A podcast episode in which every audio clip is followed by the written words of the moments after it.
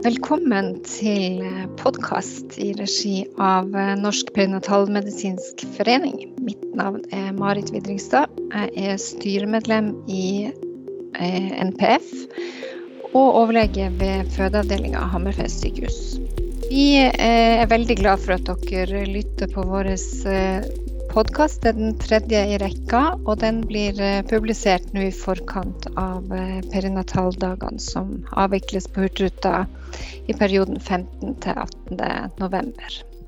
Dagens tema for eh, podkastepisode er setefødsel. 3-4% av alle barn til termin ligger med rumpa ned. Eh, og i Norge i dag så har vi lang erfaring og gode kunnskaper om eh, vaginal setefødsel. Likevel så er det sånn at eh, mange gravide blir betenkt eller engstelige når de får vite at barnet ligger i et seteleie. Vi skal komme tilbake til hvordan vi møter de her damene på best mulig måte.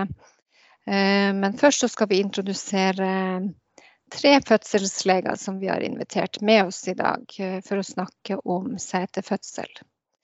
Vi har med oss fra Ålesund sykehus Solveig Bjelmo, som er overlege der. Som har forska på setefødsel og også er kapittelforfatter i eh, veilederkapittel om setefødsel. Um, Therese Salvadores Hansen er med oss fra Kvinneklinikken Stavanger, overlege der. Og fra Kvinneklinikken Kristiansand, Benedikte Sandhaug Nygård. Velkommen til dere tre.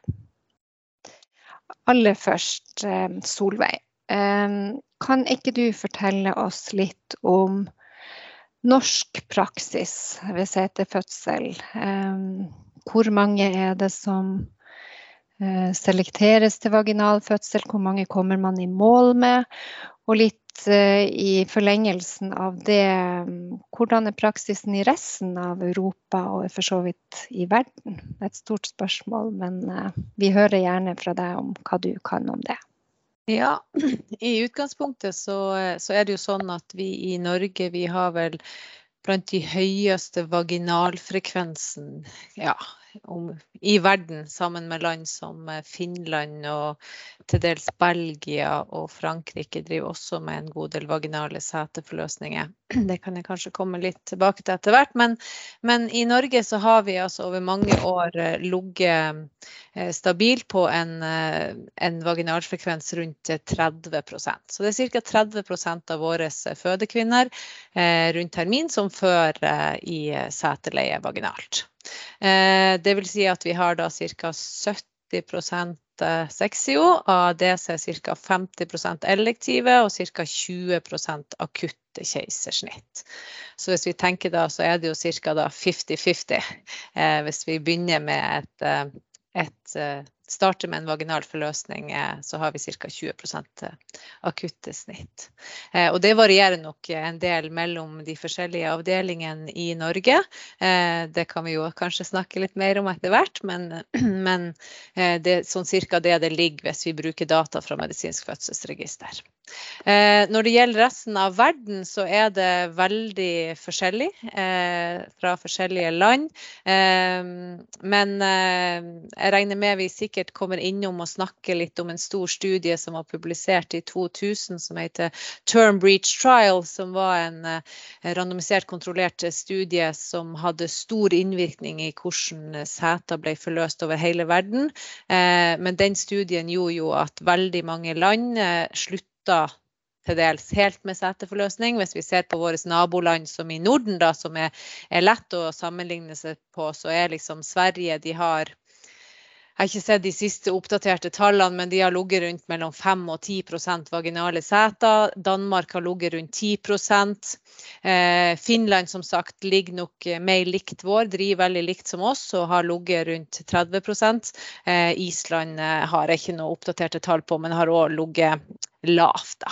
Eh, og ser vi rundt omkring i verden, så, eh, så, vil man jo oppleve land der det sete ikke Altså ligger du i seteleie til termin, så gjør du elektiv sexio uansett. Um, og de har heller ikke noe tilbud om å få lov å eh, føde vaginalt. Mm. Men Solveig, denne studien fra 2000, Term Breach Trial, den er også kjent som Hanna-studien.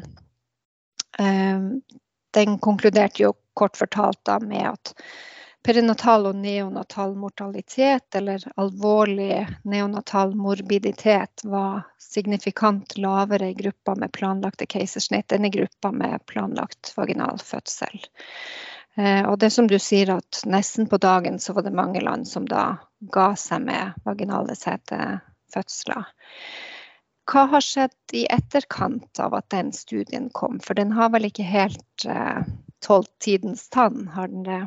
Nei da. Altså, den studien var jo som sagt publisert i 2000, og den var jo også lansert i Lancet. Det skal jo faktisk sies. Det var en av de fem store tidsskriftene vi har i verden. Og uansett hvordan du forholder deg til vitenskap, så vil en, eh, en RCT som er publisert i Lancet, ikke gå helt upåakta hen. Og det var nok også en studie som mange klinikere venta på. Eh, fordi allerede på 50-tallet var det jo begynt å bli diskutert om, om eh, morbiditet og mortalitet ved vaginale seteforløsninger. Så det her var jo ikke noe sånn, sånn helt uh, nytt, altså. Og allerede før Hanna-studien så hadde vi jo sett en betydelig reduksjon i, uh, i vaginale seter. På 80-tallet så kom det noen uh, litt mindre randomiserte, kontrollerte studier fra USA som også viste at mortaliteten og morbiditeten for barnet var mindre med elektiv sexio, men sexio i seg sjøl var såpass farlig for mor i den tida at man tenkte at at, at det var, vaginal forløsning var det som var eh, mest anbefalt. Mens Hanna-studien visste jo ikke det. Den visste jo ingen forskjell mellom de som fikk keisersnitt og de som fødte vaginalt. Det var ikke noe forskjell mellom de gruppene. Og Hanna-studien var jo en stor studie. De randomiserte 1000 i hver arm og måtte faktisk slutte før de hadde inkludert alle pga. at tallene var så klart i, i favør av elektiv sexio. Eh, så det ble ikke etisk riktig å, eh, å eh, fortsette med den. Eh, så, så det når det er sagt, så er jo Hanna-studien veldig kritisert i ettertid. Og på mange måter så kan man jo si at den studien er nesten plukka litt sammen. Men der og da når den kom, så er det som du sier. Jeg husker jeg snakka med en dansk, en dansk, fødelege, og han sa at på Rikshospitalet i København så var det nesten fra ene dagen til neste så slutta de med vaginale seter fordi det var en og, og mange kunne si det Kanskje var mange obstetrikere litt letta over at det var det som var visst. For mange syntes det var skummelt å stå med seter, og, og hadde kanskje en følelse om at det, det var eh, var en økt risiko for, for barnet, eh, som gjorde at, at, det var lettere å gjøre elektiv. Men både design og metode og konklusjon er kritisert i Hanna. Og det går jo på at det var jo en studie som var over mange mange land. Masse sentre som var involvert. Det var både det vi kaller u-land og i-land, altså, som, som, var inkludert. Og det var ikke en, nødvendigvis alltid en obstetriker eller en spesialist som hadde de her fødslene. Eh, det var ikke tilgang til ultralyd eller CTG eller alle de her kriteriene som vi har i Norge for å på en måte eh, si at det er greit å føde i seteleie. Eh, og så viste det seg jo òg at jeg husker ikke helt, men jeg tror det var 13 eller 14 barn som dør, eh, at mange av de døde etterpå. Eh, to døde 14 dager etterpå av en gastroenteritt. Det var en med, altså, med en mis, alvorlig misdannelse som var inkludert. Det var til og med et tvillingpar i den vaginale gruppa som var inkludert. Så det havna vel ut med kanskje fire som døde pga. fødsel i Hanna-studien, eh, hvis man går den ordentlig i sømmene, eh, som gjorde at det resultatet egentlig ikke er, er overførbart eh, til Norge, eller kanskje heller ikke andre land eh, som driver lignende som oss. Mm. Så, eh, så, det gjorde jo Men den studien fikk veldig stor innflytelse, og den gjorde jo, som du sa, litt inn Altså det at vi har mista kunnskap. altså Det er jo et håndverk å forløse et seteleie. Det er noe du skal føle deg trygg på. Du skal på en måte ha en del håndgrep du skal kunne gjøre. Eh, gjorde at veldig mange mista den, den, kunnskapen, og gjorde jo selvfølgelig klinikerne utrygge til å mm. plutselig skulle begynne å ta det opp igjen. Ja. Det, det kom en oppfølgingsstudie etter Hanna som så på da, eh, forskjeller i uheldige utfall for barna ved toårsalderen. Samme barna som var inkludert i Hanna-studien, og fant da ingen forskjell i, i de, de, gruppene. Og det var kanskje den første som sådde tvil om konklusjonen i, i Hanna-studien. Og så kom det da en stor europeisk studie, Premoda, som viste at vaginal fødsel var trygt innenfor visse rammer. Mm. Og da er vi liksom litt inne på det her med seleksjon, da. Ja. Eh, og det gjør vi jo i Norge, ikke sant. Vi selekterer. Kan du fortelle noe om seleksjonskriteriene da, for, for, når kan vi gi klarsignal for vaginal setefødsel ut fra, fra veilederkapitlet som, som du er, er medforfatter på? Og jeg vil bare ha en liten kommentar til det. Det var lagt en rapport i etterkant av Hanna-studien. For, for det, det, er jo litt interessant å tenke på hvorfor Norge ikke fulgte opp og begynner med elektive sexio. For selv om vi fikk en skikkelig dipp i 2000 vi òg. Vi gikk fra 40% vaginale til 30 Så det, det skjedde noe med klinikerne våre òg eh, på den tida. Men, men, det var gjort en rapport der du så på alle 27 000 vaginale seteforløsninger i Norge. Eh, der de i den studien fant at jeg tror det var tre eller fire som var eh, dødsfall som var relatert til eh, selve fødselen. Og da hadde de lavere perinatal mortalitet i, i vaginalgruppa enn hva Hanna hadde i sin sexiogruppe. Som, som gjorde at vi visste at vi kunne ikke overføre denne dataen til Norge. Så, så, det er òg litt viktig å få med i historien hvorfor vi fortsetter sånn som vi gjorde i Norge innenfor de seleksjonskriteriene. Og når det gjelder seleksjonskriterier, så er det, er det, på en måte retningslinjer. Det betyr ikke at man må gjøre det, men det er anbefalt. Eh, og da er det jo ofte å gjøre en ultralyd der man ser på tilvekst til fosteret, og ser at det ikke er noe misdannelser eller andre ting eh, med ultralyd som på en måte tilsier at det her er et foster eh, som har det bra. Eh, det er på en måte det som er anbefalt. Eh, eh, og så er i vår retningslinjer så står det jo da at man skal se på tilvekst og vurdere mellom to kilo, og så står det opp til fire kilo, men så står det individuell, mellom, individuell vurdering mellom fire og fire og en halv. Jeg vet om noen sykehus i Norge som ikke har den individuelle vurderinga. De har egentlig opptil fire og et halvt. Eh, og som heller ikke er så veldig opptatt av den tokilosen på de premature. Men det er de retningslinjene som på en måte står i, i vår veileder. Um, så, og så er det jo selvfølgelig at det ikke skal være noen eh, kontraindikasjoner med tanke på mor i forhold til det å, å eh, fø. Og så skal det være, enten være det som kalles et rent seteleie eller setefotleie, eh, som det stort sett er på terminbarn. Og ellers så er det på en måte å vurdere dem sånn som vi vurderer kvinner med hodeleie, at det ikke skal være noen andre kontraindikasjoner mot eh, vaginal seteforløsning. Men du, seteleie eller setefot. Det er vel kanskje noen enda som er redd for det er dobbel fotleie. Er det, ja. er det noen ting vi skal befeste oss med på, på barn opp mot termin i det hele tatt? Nei, altså Hvis vi tenker på det, jeg bruker av og til å, til mine list når jeg skal lære dem opp, så bruker jeg å ta det her bekkenet og prøve å ha et sånn foster som er over tre kilo, da, og prøve å få dem til å forstå at hvis barnet står på føttene, det, det er nesten ikke clean. det er nesten ikke mulig. Eh, fordi at da vil hodet være inni lungene en plass eh, hvis den skal stå på føttene. Så, så, i utgangspunktet så var det en annen veldig erfaren eh, overlege som fortalte meg at hvis det står at de med sexoforløs på fotleie til termin, så er det en redd obstetriker. Og det kan vi jo diskutere, men, men, jeg har veldig respekt for at de som står i situasjonen, må gjøre det de tror. Men akkurat det med fot, fotpresentasjon til termin er jo sjelden, men klart hos premature kan det forekomme. Mm. Solveig, hvis du skal trekke noen hovedlinjer fra din egen forskning, vaginal vaginalfødsel eller planlagt keisersnitt når barnet ligger i seteleie. Hva er risikoen hos barnet, og hva er risikoen for mor? Ja. Eh, altså risikoen, Vi, vi vet iallfall ut fra de norske dataene vi har Jeg gjorde jo opp data da, eh, fra medisinsk fødselsregister, og jeg så på det her med cerebral parese, som var en av mine hovedutfall da. Eh, og selvfølgelig neonatal mortalitet og, og, og mortalitet under fødsel. Og, og, vi fant jo i vår studie, når det gjelder CP, så fant vi ikke noe forskjell mellom gruppene.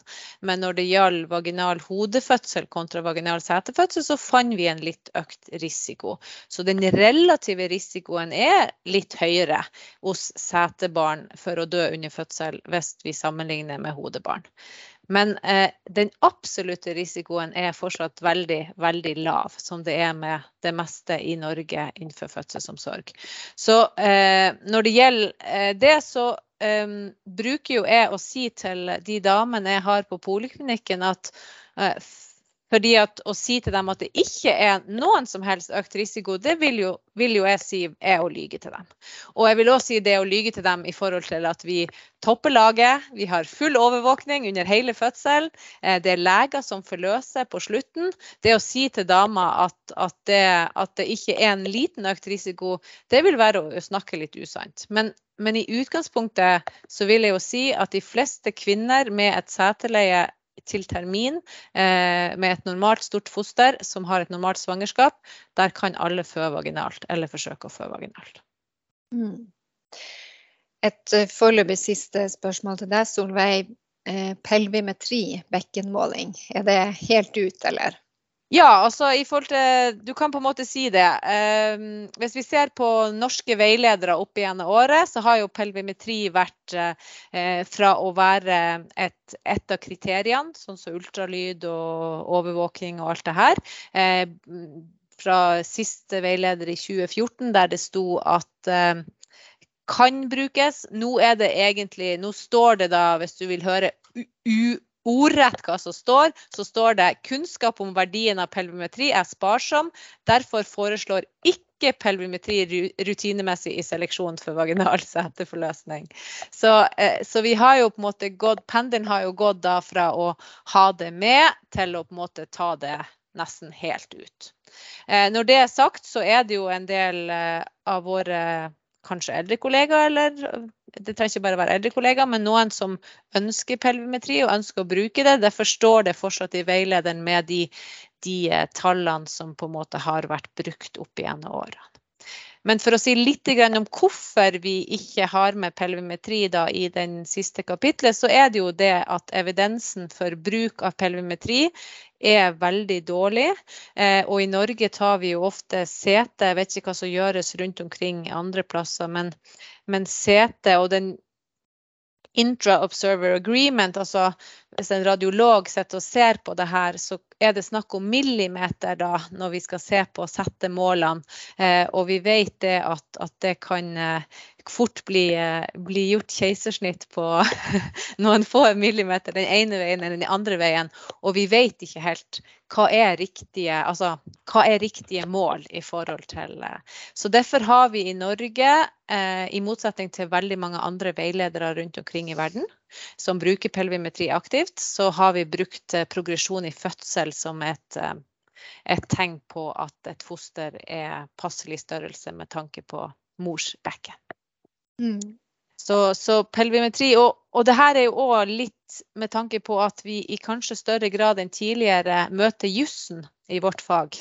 Eh, så er det noe med at det står i veilederen altså at vi har veldig lite evidens, og det er det at man ikke har tatt perimetri, det er faktisk helt etter gjeldende retningslinjer i Norge ut fra den mm. evidensen vi har i dag. Men det gjøres fortsatt en god del studier, og særlig kanskje rundt Nederland og der, der de ser på MR eh, som bruk eh, med tanke på, på pelvimetri på seteleie. Så det mm. kan være at det endrer seg. Det, det kan jeg ikke si om noen år. Vi, vi forsker jo stadig på ulike ting, heldigvis. Therese, hvis eh, du sitter med en eh, gravid kvinne i uke 37 og påviser et seteleie i poliklinikken eh, i Stavanger, og ikke har noen av de her kontraindikasjonene i seleksjonskriteriene som, som Solveig har vært inne på her, i forhold til vekt og prematuritet osv. Men så spør hun deg kan jeg velge keisersnitt. Hva sier du da? Nå er vi jo inne i litt tider med informert samtykke og samvalg osv. Hvilke erfaringer har du gjort deg om, om, hvordan man ordlegger seg i forhold til det? Kan, kan man velge keisersnitt? Eller snudd spørsmålet stilt på en annen måte, kan man tvinge noen til å føde i seteleie? Ved vårt sykehus så har vi jo en, en Eh, holdning til at ingen kvinner skal tvinges til å føde vaginalt. Men de må da informeres godt eh, om det valget de tar, også hvis de ønsker et keisersnitt. Men når det gjelder eh, setefødslene, eh, så har vi jo en klar anbefaling til kvinnene at eh, vaginal fødsel er det eh, som vi har som førstevalg. Og så får de jo presentert Eh, risiko forbundet med eh, både da elektrisk keisersnitt og med vaginal setfødsel. Eh, for å kunne prøve å ta et informert valg. Mm. Jeg vet ikke om vi skal nevne det med vendingsforsøk og ikke også. og der er det litt ulike holdninger ved forskjellige klinikker i Norge. hos oss så er det vanlig at vi gjør et vendingsforsøk av barnet. Et ytre vendingsforsøk. Um, og da har jeg ikke sett den helt siste statistikken vår, men vi tenker at det er 50-50 eh, sjanse for om vi klarer å snu fosteret til hodeleie eller ikke. Vil det si at dere forsøker vendingsforsøk på alle? Eh, ja, så godt som alle. Med mindre de ikke ønsker vending og ønsker vaginal setefødsel. Eh, og enkelte svært få tilfeller hvor de absolutt, absolutt ikke ønsker vendingsforsøk heller. Eh, kan dere oppleve da at hvis vendingsforsøket ikke lykkes, så har man brent alle broen, da blir det snitt, eller? Her er det jo veldig viktig at vi eh, snakker sammen i forkant og informerer om bakgrunnen for at vi gjør det. Og da er det jo sånn at vi eh, må jo første, når vi først treffer dem, eh, understreke at vi eh, anbefaler en vaginal sete, setefødsel. Men for vår del så er vendingsforsøket for å kunne få flere av barna i hodeleie og redusere den totale risikoen for keisersnitt for de barna. Og mødrene. Ja. Solveig, ja, og det er jo litt interessant det du sier der, Therese. For vi har jo noen klinikker som er ganske store i Norge, som ikke tilbyr ytre vending.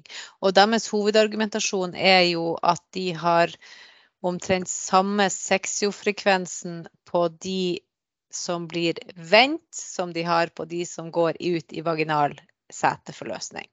Um, og, og det det er på en måte hovedargumentasjonen for det. Fordi vi vet i populasjonsstudier at de som er vendt, har økt risiko for keisersnitt, faktisk. Eh, og da tenker vi jo er det noe med disse barna? Eh, og det kan vi jo snakke lenge og vel om i forhold til det at de blir liggende i seteleie. Eh, eh eller har det noe med noe annet med at, det, at vi har gjort en, en, en manipulering eh, på den måten. Så de har både økt risiko for keisersnitt og til dels også økt risiko for instrumentell forløsning, da, som jo, men som jo er en annen del. Du, da føder du jo vaginalt. Eh, men eh, vi er også sånn som her i Ålesund, sånn som det er Therese, så, så, eh, så tilbyr vi eh, ytre vending. Og før Marit så følte jeg litt at det var å snakke med to tunge. Jeg sa at det var trygt å fø i setet, men vi skal prøve å vende, sa jeg. men, men, etter at jeg sjøl Det høres kjent ut. Ja. Etter at jeg sjøl har hatt begge mine barn i seteleie, ironisk nok, Eh, og vært på andre sida av her, eh, denne måten, altså vært pasient, eh, så, så, så, var ikke argumentasjonen min for å ønske vending at jeg ikke ville føde i setet, for det ville jeg. Eh, men argumentasjonen var at jeg da fikk velge sjøl om jeg skulle ha en epidural. Jeg fikk, var ikke nødvendigvis å ha ti personer inn på fødestua eh, når, eh, når forløsninga skulle være. Og det var en litt annen setting med hodeleie. Og det tenker jeg at det må vi òg være ærlige på. at Selv om jeg vet en del fagfolk i, i, Norge er uenig med meg der og sier at ja, men det er bare du Solveig som, som syns det er sånn. Men det tror jeg ikke. Jeg tror det er mange kvinner som også tenker at, at det, det, er, det, er, litt lettere når de ligger i hodeleie, og det blir kanskje litt om vi skal kalle det styr, eller hva man skal kalle det. Men det blir, det blir litt lettere. Therese? Og hos oss eh, i Stavanger så er det jo sånn at eh, hvis disse kvinnene er lavrisiko i utgangspunktet, og du får vent barnet, så kan de jo føde ved vår lavrisikoenhet. Eh, og det kan de jo ikke hvis det er seteleie. Riktig. De siste årene så har det tilkommet noe relativt nytt. Kanskje det litt sånn tilbake til naturen og ikke nytt i det hele tatt. Men eh, likevel i, i den eh, vestlige fødselshjelpen, nemlig knestående setefødsel. Altså eh, setefødsel hvor mor står på alle fire. Og på en konferanse om setepresentasjon i Amsterdam i 2016 så ble det presentert en studie med tittelen 'Does breach delivery in an upright position instead of on the back improve outcomes and avoid cesareans?' Og det var da forfattere Løven, Davies, Johnson og Reiter.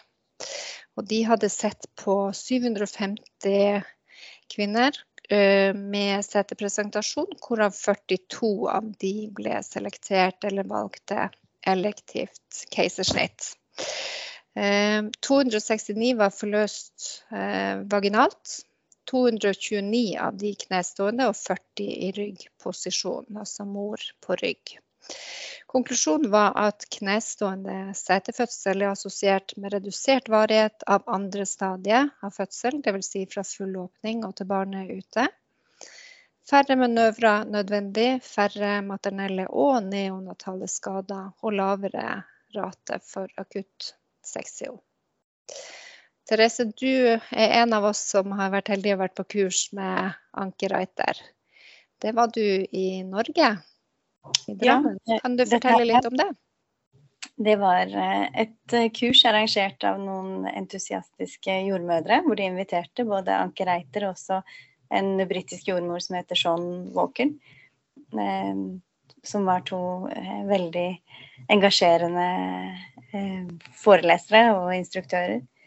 Eh, hvor de eh, forklarte både bakgrunnen i forhold til altså, fødselsmekanikk, hva som er denne fysiologien i det. Som gjorde at jeg i hvert fall gikk hjem derfra med, med brennende ønske om å la våre kvinner få føde i knestående. Vi drev allerede med det i Stavanger. Helt siden 2012 tror jeg vi har hatt knestående sett fødsel. Ja. Hva slags erfaringer har dere gjort dere eh, i Stavanger så langt med, med den metoden? Eh, ja, for vi har jo en slags eh, kombinasjon. At vi driver med, med begge metodene. Eh, mine erfaringer er vel at um, Hvis vi skal si De aller fleste kvinner kan føde i knestående. Eh, vi har fortsatt den holdningen at hvis vi ser at det er noe som eh, eh, begynner å gå utenom det vanlige fysiologiske, mer patologiske. At vi vil eh, kunne snu kvinnen over i ryggleie. Eh, så de kvinnene vi ikke har så lyst til at skal føde i knestående, er jo de som har noen mobilitetsproblemer. Eh, og som vil eh, ha vansker med å snu seg over til ryggleie. I tillegg så er min erfaring at noen av de førstegangsfødende strever litt med å få trykketrangen i knestående, som de får bedre i ryggleie. Mm. Ellers så tror jeg at i forhold til fosterlyder at det er mindre patologiske CTG-er i knestående enn i ryggleie. Mm. Men vi har ikke gjort opp tallene våre ennå. Eh, der har vi et materiale vi kan eh, lete i for framtida. Ja. Det leder oss eh, elegant videre til Benedicte i Kristiansand, for de har tall. Benedikte, du og en kollega, Marte Veen Belken, var i 2019 på et upright breach-seminar i Danmark for å lære mer om akkurat denne metoden. Eh, og siden så har dere i Kristiansand gjort et systematisk arbeid på det her med knestående setfødsel og publisert noen tall i, i tidsskriftet Gynekologen eh, i fjor. Um, dere hadde deres første knestående setfødsel i 2020 i Kristiansand, har jeg lest. Fortell hvordan dere gikk til verks for å implementere denne fødeposisjonen hos dere, og hva slags resultater dere har så langt. Ja, da var det sånn at vi to reiste også på egentlig et lignende kurs som du beskriver. Samme foreleserne, Therese, i Danmark i 2019. Eh, og vi ble også kjempe, kjempeimponert og entusiastiske og reiste hjem og ville dele dette med resten av eh, kollegaene våre. Så eh, det vi valgte å gjøre da, var at vi dannet en egen CT-gruppe bestående av noen leger og jordmødre, hvor vi da lærte opp denne gruppen først i håndgrep som vi bruker da, ved forløsning av f.eks. For skuldre og hode, dersom det ikke eh, går helt naturlig for seg, sånn som eh, vi håper at det som regel skal gjøre. Men eh, det lærte vi opp i denne gruppen først, før vi da kurset resten av eh, kollegaene. Eh, så laget vi også en eh, egen prosedyre som mye på, gikk mye på håndgrepene og eh, en, et eget sånt flytskjema. Eh, vi er ganske streng på tidsintervallene, da. Eh, og eh, selvfølgelig de samme seleksjonskriteriene gjelder jo som ved den nasjonale veilederen men, på setefødsler, men eh, det var spesielt på, på hvilke håndgrep vi skulle ty til hvis, hvis barnet ikke forløste seg selv, som vi egentlig håper, og være minst mulig fysisk delaktige i fødselen. Ehm, så vi valgte å starte opp med dette i februar 2020 hos oss. Ehm, og ehm, det som eh, vi gjorde da for å innføre den nye prosedyren, var at vi fikk de fødende til å skrive under på et samtykkeskjema, at vi kunne samle dataene. Eh, det gikk da på forskjellige parametere som alder, BMI, mors høyde, trykketiden, bruk av epidural osv. Eh, og det andre var at vi ønsket å filme eh, fødslene. Så da har vi filmet alle fødslene som, som, hvor mor har skrevet under på det også på forhånd, at det er greit.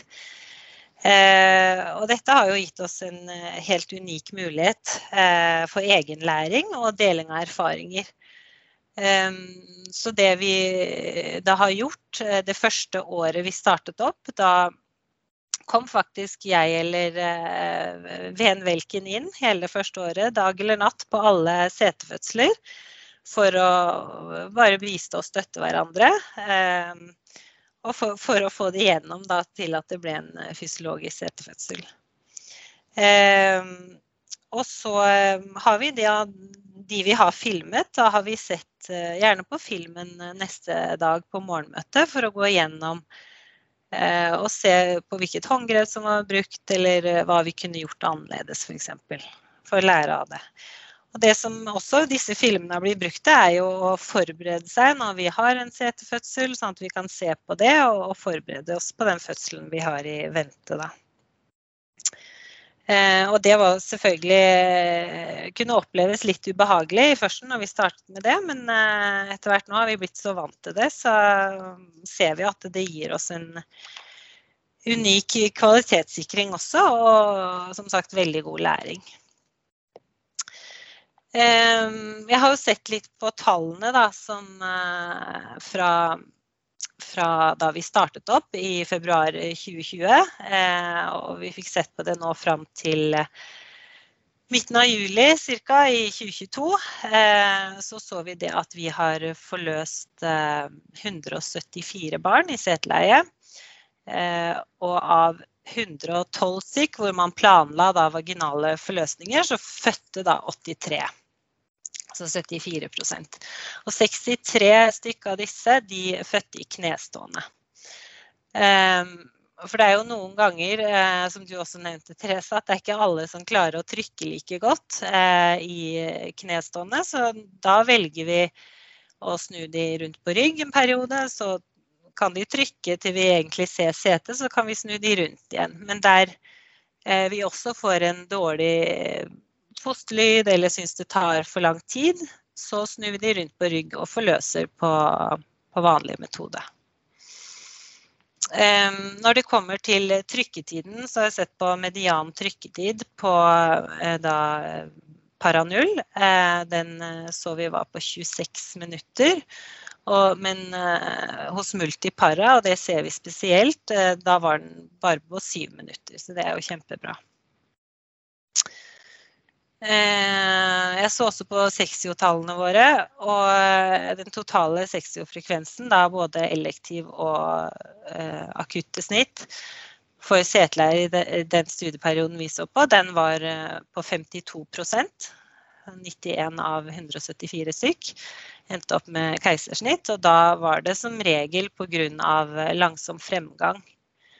Eh, og da fikk jeg også sammenligne mot eh, de to foregående årene, som var da på 65 hos oss, da. Um, ellers så så vi det at eh, fire barn uh, fikk en Apgar under syv etter fem minutter. Uh, men det var ingen uh, med metabolske acidoser i denne perioden. Eh, og vi ser det at vi har i hvert fall 49 filmer hittil. Så det er også kjempefint. Og veldig ofte opplever vi at kvinnene ønsker å ha med filmen hjem etter fødselen, så de får den da med seg på en minnebrikke hjem. Um, ja. Ellers så kan jeg jo si at eh, hvis dere ønsker å vite litt flere tall, eh, så så vi litt på det her induksjonene. Av de kvinnene som planla vaginal forløsning, så var det 40% som var indusert. Eh, det var 45% som fikk EDA. Og der er Det som er viktig med denne type fødsel, er jo at kvinnene kan bevege seg, komme seg rundt ikke sant? og være være mobile. For det er jo det man gjerne har sett i studier som er gjort, eh, at eh, det å kunne reise seg, sette seg ned igjen, løfte et bein, altså det kan jo ha masse å si på, på bekkenets diameter og gi, gi plass til den naturlige rotasjonen av, av fosteret. Det som eh, vi også fikk i denne studieperioden, eller i løpet av det første året, som var litt overraskende, var at vi fikk fire kvinner som fikk grad 3 sfinkterruptur. Eh, og det syns vi var absolutt var for høyt. Så da, vi, da, ble det en liten holdningsendring hos oss fra aldri å røre perineum, som vi egentlig lærte på dette kurset, at vi egentlig ikke skulle trenge å støtte noe særlig. Det var at vi gjorde en individuell vurdering, og spesielt hos da de eh, førstegangsfødende. Da har vi heller anlagt episotomi, snudd kvinnen rundt på rydd, anlagt episotomi og snudd henne tilbake f.eks. Og støtter absolutt perineum nå. Eh, så det siste året har vi ikke hatt noen, noen svingtere, så det er bra. Ja, så vi er ja. Benedikte, det er jo jeg tror det er kultur ved mange avdelinger når man planlegger for en vaginal fødsel, og da kanskje i den tradisjonelle ryggposisjonen at man anbefaler epidural. Ja. Eh, er det sånn at dere ikke nødvendigvis anbefaler det ved knestående setfødsel? Altså Hos oss så lar vi det være helt eh, fritt opp til kvinnen. Det er eh, ikke noe krav av epidural, og det, ønsker de det, så får de det. Altså, Eh, det viktigste er at de kan være mobile, og det syns jeg fungerer veldig fint hos de aller fleste. Eh, og dersom de har, eh, er litt tyngre i ett bein eller eh, de trenger hjelp, så, så er vi med å hjelpe og holde, holde, foten underveis når pasienten trykker. Så det fungerer egentlig veldig fint, altså. det, når dere planlegger forløsninger, legger dere noen føringer da for, for fødeposisjon? Er det sånn at dere nå har en ny hovedmetode i avdelinga deres, eller eh, er det begge deler? Nei, vi har faktisk valgt nå å ha dette som vår hovedmetode. Eh, siste egentlig nå siden 2020. Eh, så alle legene er enige om at dette fungerer veldig bra. Men eh, det er selvfølgelig helt opp til hver enkelt om de ønsker å snu kvinnen. At man eh, føler man har mer kontroll på rygg, eller det ikke gikk så rask fremgang for eksempel, som man hadde tenkt. Så er det helt opp til hver enkelt lege som leder den fødselen. Men det presenteres, vi presenterer fysiologisk setefødsel for alle, alle kvinner som nå skal føde i setet. Eh, og vi har jo hatt også nå to jordmorstudenter som har skrevet en masteroppgave om dette her, og intervjuet noen av de eh, kvinnene, en liten gruppe der, som har født. Og, og det de aller fleste syns absolutt det var eh, fint at vi filmet, at vi var med. Det var ingen av de som syntes det var ubehagelig. Det som var viktig for disse kvinnene, som alle var enige om, var at de fikk god nok informasjon. Eh, og at de var klar over eh, Altså vi viser de ofte noen av disse eh, stillingene, da, hvordan vi tenker at de kan få beskjed om hvilket bein de skal løfte opp, og, og hvordan vi er delaktige. Så det, det, er vi veldig nøye på å informere om. Så at det skal være, være helt naturlig for de også når det kommer til fødselen. Og, eh, men det er jo også opp til kvinnen, hvis kvinnen ønsker selvfølgelig å, å, å, trykke på rygg og føler at hun har mer kontroll på det, så, så eh, får hun velge det, altså. Så, mm. Men eh, de informeres alle om fysiologisk etterfødsel nå. Mm. mm. Da må vi nærme oss en slags sånn avrunding på opptaket vårt. Men eh, før vi slutter, så, så, lurer jeg på hva tenker dere på Eller hvordan tenker dere om mulighetene for å kvalitetssikre de erfaringene vi gjør oss i Norge nå. Altså det, du er inne på det, Solveig. Det er noen, noen, få land vi kan sammenligne oss med, men, men i veldig stor grad så, så er det her en, en, slags fødselskunst som kanskje dessverre er i ferd med å gå tapt.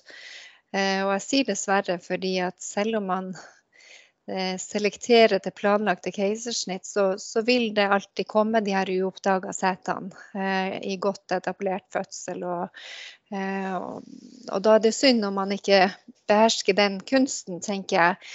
Eh, hvordan skal vi få formidla de gode resultatene vi har eh, i Norge?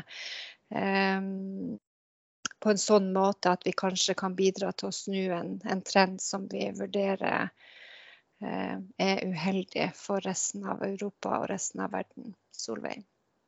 Men jeg tror allerede det er litt på vei, faktisk. Hun, Sean Walker, som hun Benedicte snakka og som hun Therese også nevnte, hun driver jo ganske eh, aktivt eh, med å lære opp hele verden om det med upright eh, breach, da, eller knestående. Men generelt så, så er det en jeg eh, bruker å kalle det av og til en setevind. Altså det er en liten vind i Europa, og kanskje også til og med i USA, eh, der flere blitt, ser på det her. Og, og, jeg er med i en del sånne grupper på Facebook, eh, som, sånne lukka grupper da, som handler om seteforløsning. Og der ser jeg jo en del desperate amerikanske kvinner som prøver å finne fødselshjelpere som kan hjelpe dem eh, å fø vaginalt. Eh, og jeg bruker mange ganger å tenke på at norske kvinner skulle bare ha visst hvor heldige de er som faktisk har et, et alternativ eh, der det er mange kvinner rundt omkring i verden som ikke har den muligheten vi har i Norge. Eh, når det er sagt, så tenker jeg jo at, at vi noe av det viktigste, Den rapporten som var skrevet i 2003 eh, som, eh, som, en tilbakemelding på Hanna-studien, den sa allerede da at vi i Norge som driver med over, da drev vi jo med 40, nå driver vi med 30 vaginale seter, bør nok gjøre opp tallene våre eh, ganske hyppig. Eh, det var også en av konklusjonene i min doktorgrad at klart vi har masse data vi kan ta ut fra medisinsk fødselsregister, men vi kan gjøre det enda mer spesifikt i forhold til hvordan det går med våre setebarn og våre kvinner som blir forløst i sete. Jeg tenker at det er et ansvar vi har når vi skal drive på denne måten, og med å vise tallene våre, som jo så langt ser veldig bra ut, så, så kan vi jo med sikkerhet si at dette er noe vi mener er trygt. Eh, jeg tenker jo at vi i, i mange grad, og jeg vet f.eks. Bergen eller Johanne Kolvik Iversen har hatt et samarbeid med Finland, der de har annethvert år vært og kursa eh, på vaginal seteforløsning. Og det tenker vi jo at vi kanskje kan gjøre flere plasser i Europa og bringe ut eh, den kunnskapen som vi, eh, vi sitter med i eh, Norge.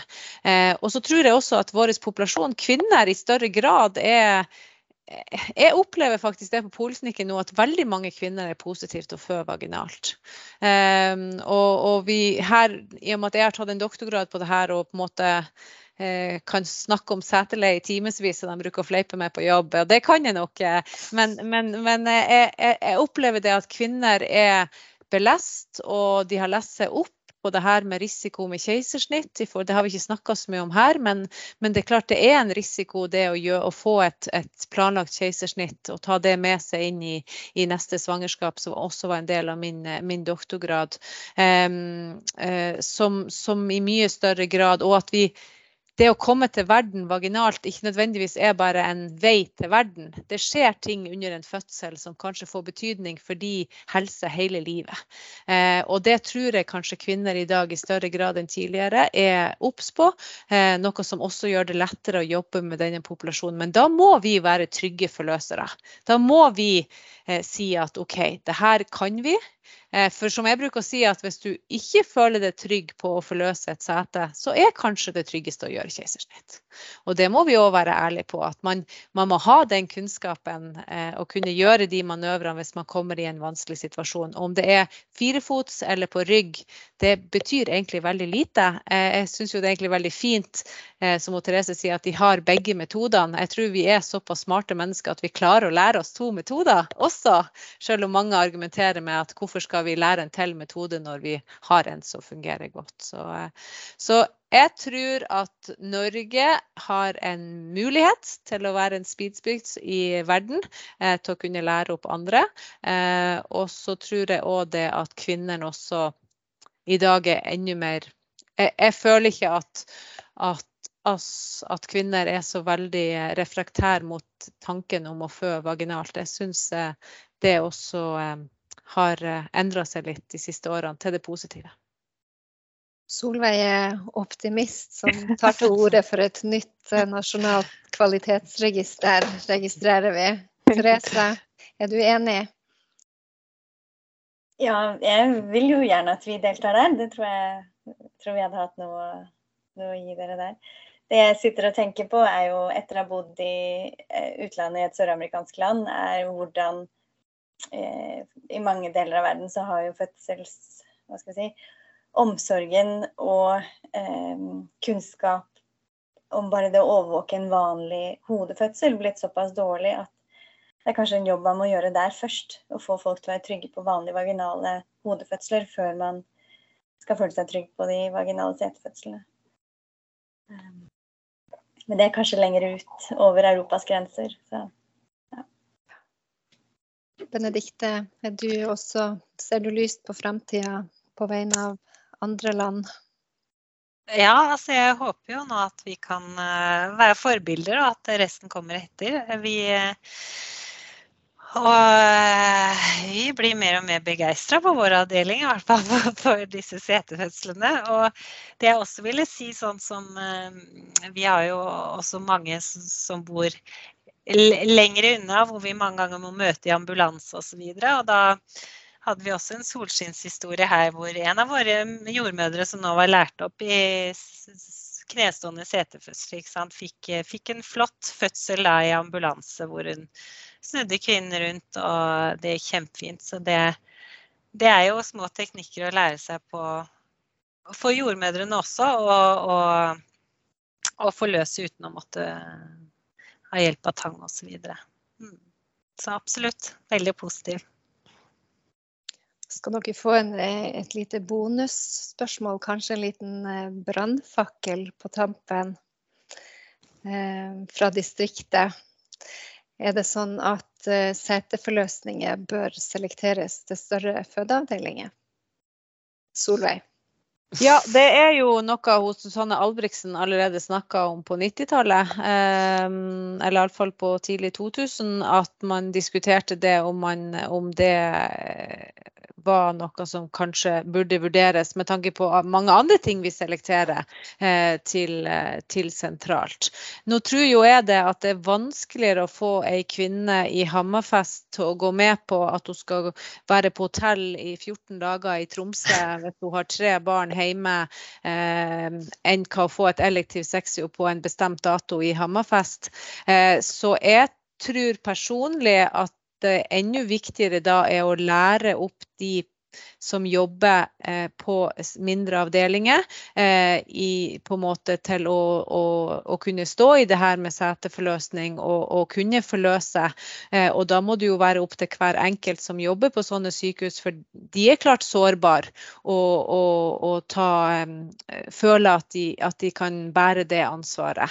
så jeg er ikke sikker på at for fødepopulasjonen vår så er ikke nødvendigvis kanskje det å selektere det beste beste, men, men, men sånn for de som skal stå i det, og hvis man havner ut i en vanskelig seteforløsning, så, så klart så er det kanskje bedre å være mange, eller være flere om det. Eh, det er det ingen tvil om. Eh, så, så, det var ikke noe entydig svar til det, Marit, eh, i forhold til det. Men, men, men jeg tenker at kompetanse er, er hoved, hovednøkkelen her. At man er kompetent, og at man føler seg kompetent til å bistå en seteforløsning, så, så, så tenker jeg jo at da er det ikke så veldig nøye hvor det er gjort. Jeg skal tillate meg en, en egen liten refleksjon på det for slutten, siden jeg nå kom med det spørsmålet.